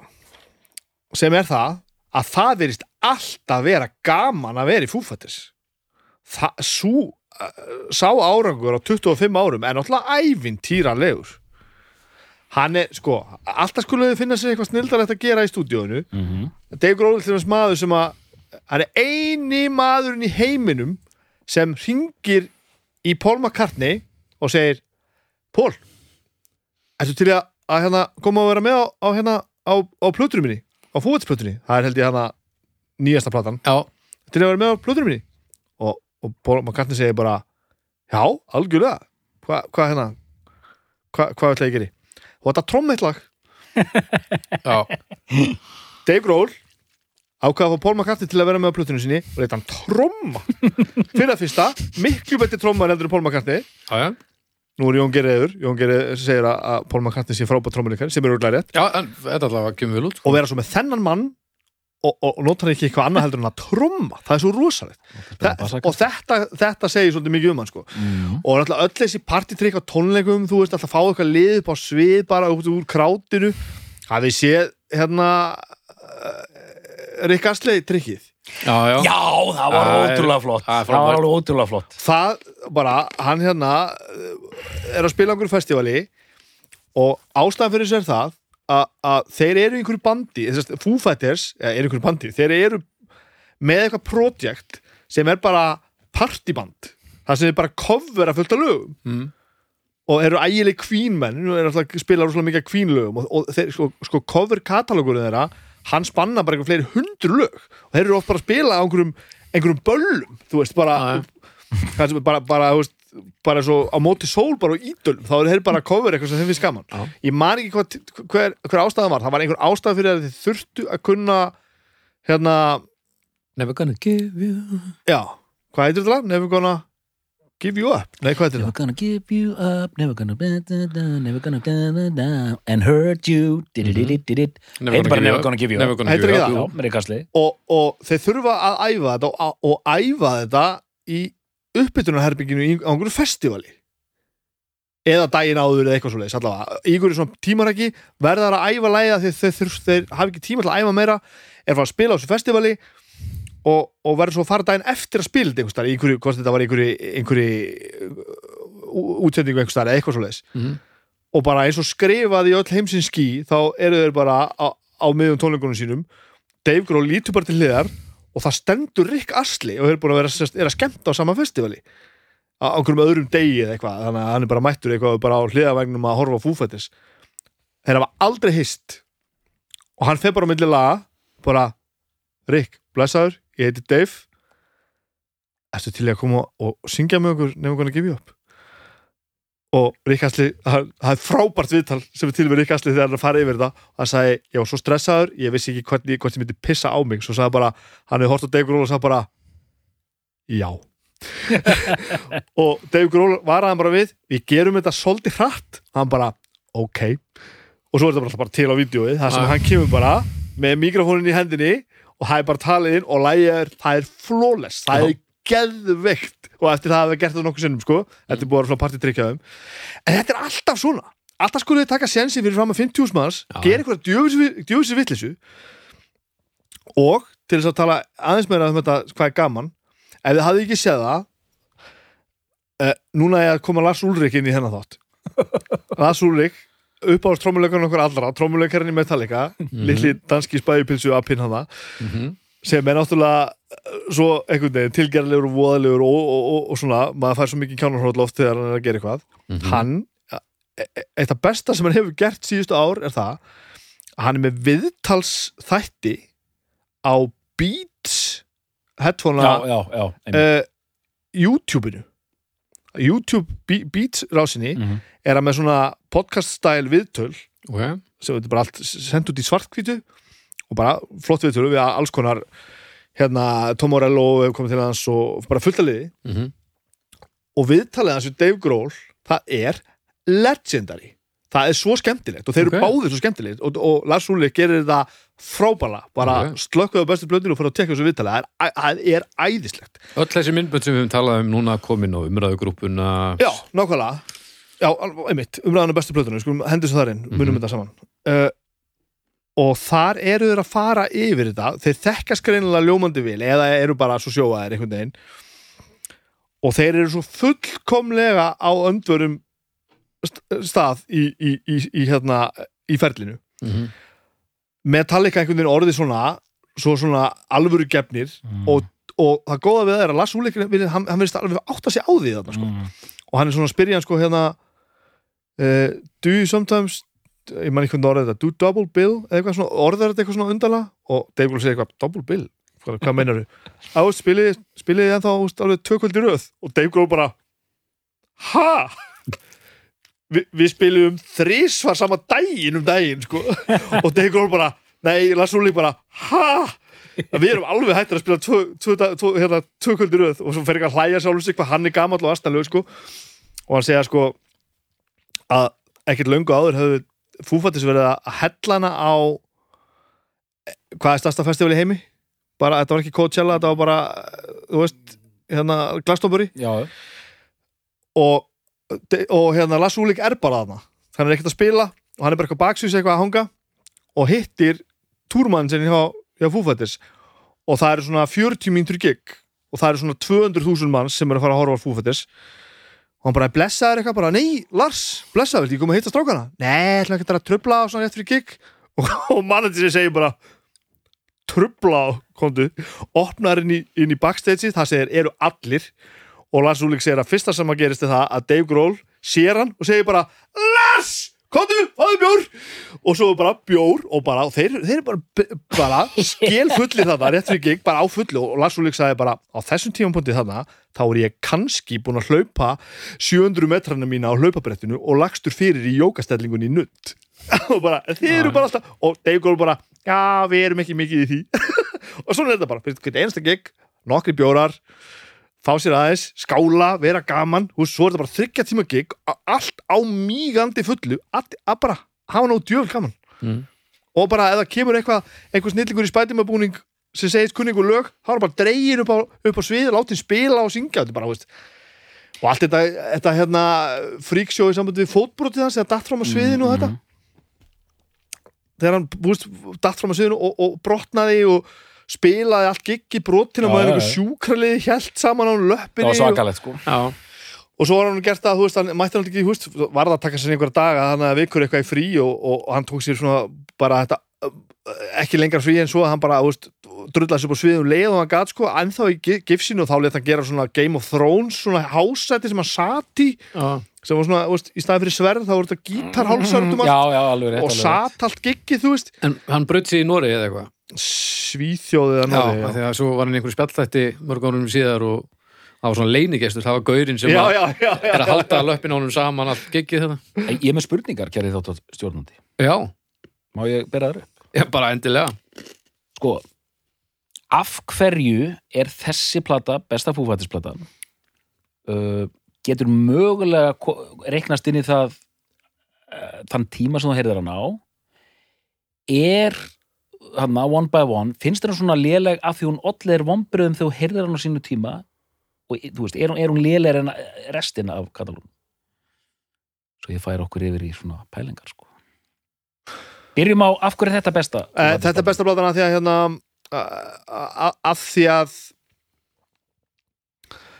eh, eins og varst að segja á þann sko, fyrsta platan er svolítið mikið svona prototípu stemning sko, og þetta verður svolítið mikið til þetta frumkrafturinn þessari til sko. Mhm. Og það er náttúrulega einhver spenna og þetta er allt saman að vera til og, og, og ég er náttúrulega svolítið á því eins og þú kannski sagt í þessu þætti að, að sko þetta hefur ekkit endalusan tíma skilur við Mhm. þetta, það er ekki hægt að gera hundra svona lög og Já, þarna eru, eru bara svolítið að finna þetta upp og það eru rosalega, rosalega mörg af þessum lögum eru bara eiginlega bestu lögið þeirra Mhm. og krafturinn er, er hérna, krafturinn er, hann er hann til staða sko. þeir eru svolítið bara núna 20 eitthvað og setna bara að búa til bara einhverja coverversionur af sjálfu sér eða þannig sko. Þannig að þetta er toppurinn. E, þetta er toppurinn. E, ég held þetta sé eina plata sem að sem að, sem að hann Gil Norton hérna próduseraði Mhm. og ég held að það hafi svolítið mikið með þetta að segja líka. Sko, Boots Vig er búin að vera pródusera með núna bara síðustu bara uh, setni helmingin af ferlir með veist, bara meira, ég man ekki hvernig hann byrjaði. Og ég held að það eins og Boots Vig er nú mikill mistari sko, og búin að gera margt gott þá held ég að það myndi mögulega vanta einhverja svona augrun þar. En er One by One svona léleg? já, hún er fokklileg maður. Bíddu, að að því að hún lögin er ekki léleg. Jú, þau eru alveg, þau eru alveg drullu lileg þetta er algjör drast maður. Ekki öll? Nei, bestu lögin eru frábær. Okay. og topparnir eru með þess að bara fara mjög hátt sko, Mhm. sko topparnir á topparnir á, á, á, á plötu 2, 3 og 4 eru topparnir hjá, hjá Fúfættis það eru, veist, það eru bestu lögin. Það væri góð plata. það væri góð plata. Og, og núna komum við kannski að því sem að ég er, er ekki búin að segja að Call on the Shape sem að notabæri heitir Color með UI Mhm. upp á breskamátan Já, til þess að heiðra Gil Norton sem er fættur í Liverpool bretti uh, og, og bandarækjumönnum þótti mjög undarlegt hún heitir Color in the Shape Color in the Shape er alls ekki fullkomið plata. Hún er ekki þarna koma með bjúverbilinn bara Já. undir, restina. Þeir hafa aldrei gert plötu sem að er gegn heilt algjörlega frábær. Nei, Þa, nei, þær eru oflangar og það eru fillerar á þeim öllum. Já, og það er fyrstanlega óskilinlegt að þið skulle láta það fljúa sko, að skulle láta þetta fara frá sér. Og á, í annan stað er líka ótrúlega hvað eru risa, risa, risa stórir með það. En bestu lögið þeirra og sjarminn í kringum þetta allt saman e- þetta er bara svo sterk op þetta er svo ofbóðslega sterk op ég tók alveg eftir þessum fillerum ég, bara, ég, ég þorði ekki að nefna það. Jú, og það er bara, það er bara nákvæmlega þannig. Er bara, þessi plata bara þyrti ekkert að vera öll þessi lög, þetta er bara langt já, einmitt, hún er svona ég myndi vilja heyra fúfættisblötu sem er svona 34 mínútur það væri bara frábær plata sko. Mm. já, það, það, það er á, á, á hann þrem fjórum plötum er algjörlega skot held plata sko. Já. en það er þarna, Já. einmitt, allt einhverju fillerar en eins og segir, það getur líka verið töfrandi og flott og rátt og skemmtilegt já, já. þó að plötur sé ekki fullkomnar sko, eða, eða Já, já. hvernig sem maður segir þetta Það sko. þurfa að samsvara sér samt, sko. Já, Og einmitt og botnarnir með ekki vera raunbotnar. Nei, En, en mér er staðinlega þetta því að þú veist 97, eitthvað svona allt rock og maður bara já, en ég, ég gerði mikið grein fyrir því að þeir eru gaggrindir að því að þú veist, hvað þá, þeir væri svona þremur árum á eftir vísir eða eitthvað líka, eða er það, það er einhver pæling ég man ekki nákvæmlega hvort það var eitthvað borið saman með eitthvað sérstætt þetta er bara, þetta er bara, þú veist þetta er náttúrulega bara eitthvað svona basic 90s rock and roll, Já, já, þetta er ekkit annað. Þannig að en Já, e e eitt, já. e eitt er hins vegar líka magnað. Hvernig hún tókst að sneiða hjá því að a, verða útýnt grönsband mm að þannig þetta er alls ekki nei og b, að allir hafi bara við sáttu við það, að þetta er ekki grönsband vildi ekki allir að hann myndi bara fara að gera meira gröns hann er frægast í grönsar í heiminum og eftir Kurt Cobain. Hérna, Wikipedia, Foo Fighters, genres, alternative rock, post-grunge, hard, postgröns hard rock og grunge. Þetta er flokkað svona og gröns, já, já, en það kannski að, en ég held að það séu bara, þetta eru bara Wiki-grunnsararnir að tróða sína að, sko. já, já, svo náttúrulega getum við líka að fara að rífast endalast um að hvað gröns er sko. Já, þetta er, þetta er aðeinslega kenning sko, einmitt, að, með fillera og svona, en samt ég að reyna að búa eitthvað til hérna, að þetta er það er einhvern veginn ekki, nú er ég að reyna að vera jákvæður sko, að það, það er einhvern veginn ekki hægt að ég er ekki, við erum ekki það er enginn á okkur mikið að pyrra okkur yfir því að þó, þó að plötunar hafi verið tiltölulega litlausar undanfærið sko. það verið skipta minna máli í stóru jöfnun einhvern veginn, eða hvað það er bara bandið sér til og Já. þetta er meira Já. sko. Ég, þetta ég, er bara hljómsveitin það sem að besti trommuleikari heimi er, er að syngja og spila Mhm. á gítar en svo allt í einu og miðjum tónleikum að þess að nokkur hafi planað Þá ákveða það bara að hann fara á trommusettið og trommuleikari kemur bara fremst og syngur og þeir taka bara eitthvað lag með Queen Já, og, og frændið er að kemur og syngur bakgræðir í spætumann Já, Já. og allir brosa og það eru 40 manns í Já. partíinu og það er hildilega gaman já, já. og svo er bara eitthvað viðtal og, og svo er Dave Grohl alltaf búin að gera þungarúsblötu sem að heitir Probot sem að færa já, alltaf semur bara eitthvað þungarúslög og, og svo allt í veist, þetta er allt bara einhvern veginn svona. Já, og trommaði Killing Joke plötu heila sko, þú veist. eins og ekkert væri og auðvitað þarna Queens of the Stones, og, þetta er alltaf ekki, þetta er ekki, þetta er ekki flekklust fyrir ég meina þegar hann fór á túri með Queen of the Stones þá, þá var hann að hugsa um að leysa fúfætsu Já, þetta er ekkert búið að vera neitt bara einfalt sko. og þeir og bara, þú veist, sjá þessi viðtölu við þessar snillinga og þetta, þetta er bara þeir eru bara búin að sigra leikin það er bara þannig og það er bara, hvernig ætlar ekki að halda með hvernig ætlar ekki að halda með fúfætis hvernig ætlar ekki að halda með Dave Grohl Já, það er alltaf erfitt að halda ekki með Dave Grohl. Það er það er, einhver, það er eitthvað, eitthvað Mm. e, e, en, en, en þetta er þar eins og ég segi, þessi plata Já. ég hugsaði að ef að, var, ef að tveimur lögum hefur verið kift út þá hún bara enn betri, hún væri bara þéttar og betri Mhm. Já, já, það var einmitt undarlegt að koma inn að þátt sko með í raunin eng, enga sérstaka skoðun sko, ég var, ég var pínu stressaður sko, hérna það var hérna þáttur hérna já, sem er auðvitað búið að flytja, flytja núna sko, sem hérna, ég var svo hrættur hérna í At the Gates þættinum að þú myndir koma og, og brjóta mér hausinn sko. Og hérna þannig ég var svona, þegar ég var að hlusta á þetta ég var eiginlega að vonast til að ég myndi fíla þess að plötu alveg í ræmur sem getur verið, já. getur verið sammála sko, sem var það ekki alveg að gerast ég var mjög stressaður sko. En, en ég er samt sko og hérna, ég var mikið bara, ok, já, jú, þetta, þetta er mjög gott sko og síðan var ég að One by One líka mjög gott. En síðan kem ég hérna, ég segi að þessar tvær þær eru mjög fínar, en síðan bara, já, ok, þessi er frábær. En One by One er þess að versta fúfættisplatan var ég að frétta núna bara, sko Ég veit að við, við, við hefum nú ekki heldur gert þetta áður að- að googla álít annara en þetta er, þetta er svo mikil kontrast Hvað segir internetið um one by one? Hvað er á ég að leita það helst?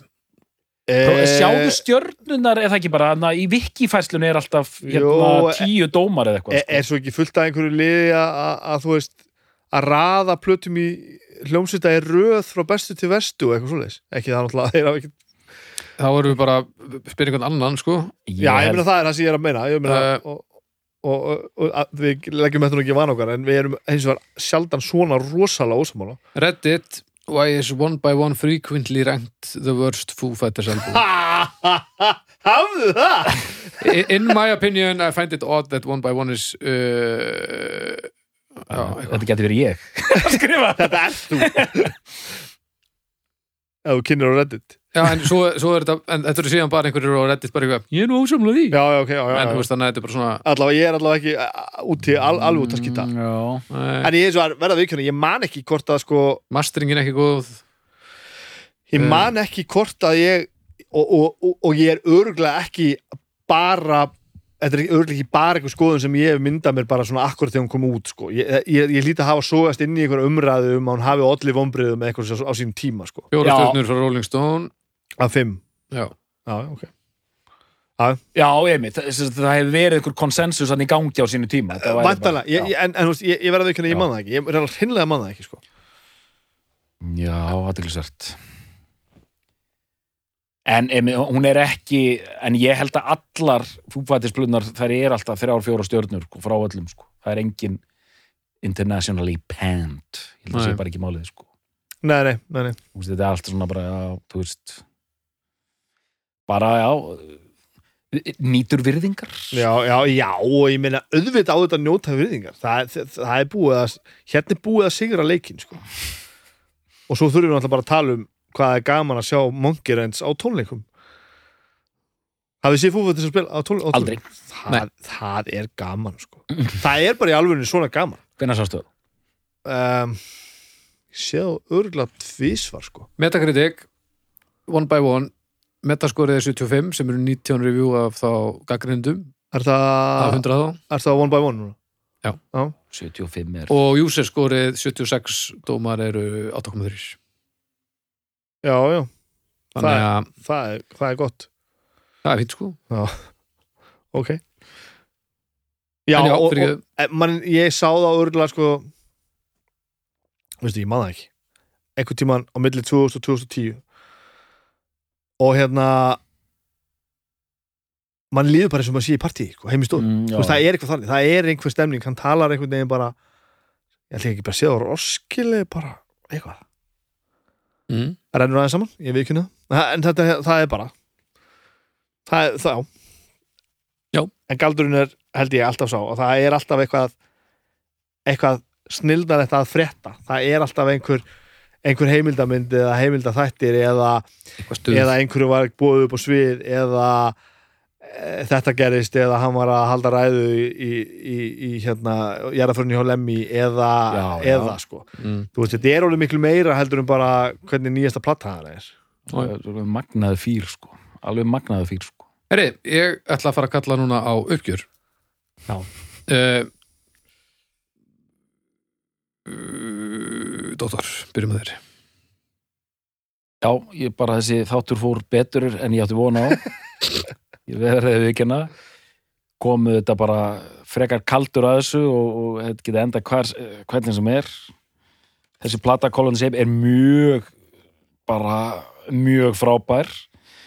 Uh, þú veist, fyrsta platan, við erum búin að ræða um þetta, þetta er svona glorified demo einhvern megin, sem kemur þessi plata og hérna er þetta bara orðið band og alveg brjálað hérna ég mitt, Gil Norton, sándið alveg brjálað og, og flott og töff og, og, og flott lög og einmitt þessir hittarar uh, það er ekkert- er erfitt fyrir mig að fíla þá sko, ég fer allur að staðskilur þetta er, já. þú veist, húkarnir og þú veist, þetta þetta emo dæmi í rauninni sko, svona Hei, klöst, já. Já, já, bara svona og, þú veist fyrst sinn í er og að það allt bara virka bara mjög vel og bara æðislegt og ég meina eins og ég segi ég er bara vísindamaður sem er rétt að kíkja inn í hérna inn á tilhjónastofunum með mjög grófa niðurstöður og get, þetta getur verið uppáls fætisplata mín í næstu viku sko.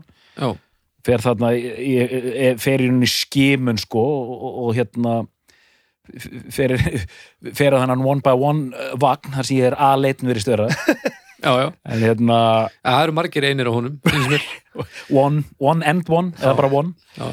en já, bara gaman að þessu, ég, ég elska ykkur. Nafni, uh, eins og svo oft í þessu, þessari þáttaru þá kemst maður að einhverju þegar maður, hérna, þegar maður fer í gegnum hennan klukk- klukkutíma einn og hálfa sem við tökum í að ræða þetta. Eða þrjá eins og mér líður undir þessi þáttu sjóruð ég er heldur langur. Uh, ég gæti trúa því fyrir að þetta, þetta er besta plata með þeim sé svo að þetta er gæti verið eina platan þar sem að hann, skástrík þeir þurfa að sanna sig satt, fyrsta platan er bara eitthvað flip með einhverjum vini sínum eftir að bandið hans leistist upp eftir að nirvana hætti mm -hmm. og engin alvöru áformum að gera eitthvað heldur þetta bara eitthvað svona dúll sko. það er bara verið að græsa eitthvað að gera Mhm. Eh, slær pínu óvand, óvand í gegn þó að því hafi verið fyllt eftir sko. og þessi plata nummer 2, Corolin Shape er, þarna er þarna þarf að stimpla sinn Mhm. ef þetta á að verða eitthvað í alvörunni alvörunni, þá Mm. þarf þetta að vera drullu gott og þú veist, tensjóni með þetta að, að spila trommundurinn aftur og, og, og allt þetta að það er eitthvað í húfið þarna sko. Og. Gil Norton er mitt þetta er pródusenningin á hún er æðisleg hún er algjörlega frábær sko. Mm. uh, mögulega bara að þetta, þetta, svo var þetta algjört monster þessi plata, hún var algjört skrýmsli, Everlong og, og hérna og Monkey Ranch og My Hero og þetta dót, þetta var bara ris, walking after you þetta var risa, risa dót sko. Mm. og síðan hafa þær ekki þurft að berjast fyrir því sko. Nei, þannig að þessi plata hefur fullkomna sérstu hvað það var þar, mögulega er þetta eina platana sem að menn voru bara nú verður bara að gera þetta alveg sko. já. Um, eini fætingurinn. En í Foo Fightingurinn sko. Wow. Annars held ég ég hafi nú ekkert meira um þetta að segja. Ég, hún vissulega er þetta líka þannig að þetta stendur mér bara nærri að því að, að eins og við höfum oft talað um þetta svona kemur að þessu hvar mann er droppað inn. Ég keipti fyrstu plötuna glæn nýja og ég fylgdi því eftir að kaupa næstu plötuna leiðan kom út þú veist. Mm. og svo bara svona misti ég aðeins af sko, þú veist, þetta var bara svona þú veist, plötuna sem á eftir komu voru bara svolítið plötuna sem á eftir komu Já. en ég meina, ég eftir að hlusta á nýju fúfiðsplötuna kemur út, það er bara að no-brains, alveg, algjörlega Þannig að Snæbjörn Er þetta besta plata Foo Fighters? já, Doktor Er þetta besta plata Foo Fighters? nei Við þakkum fyrir í dag og við heyrumst að vikuleiðinni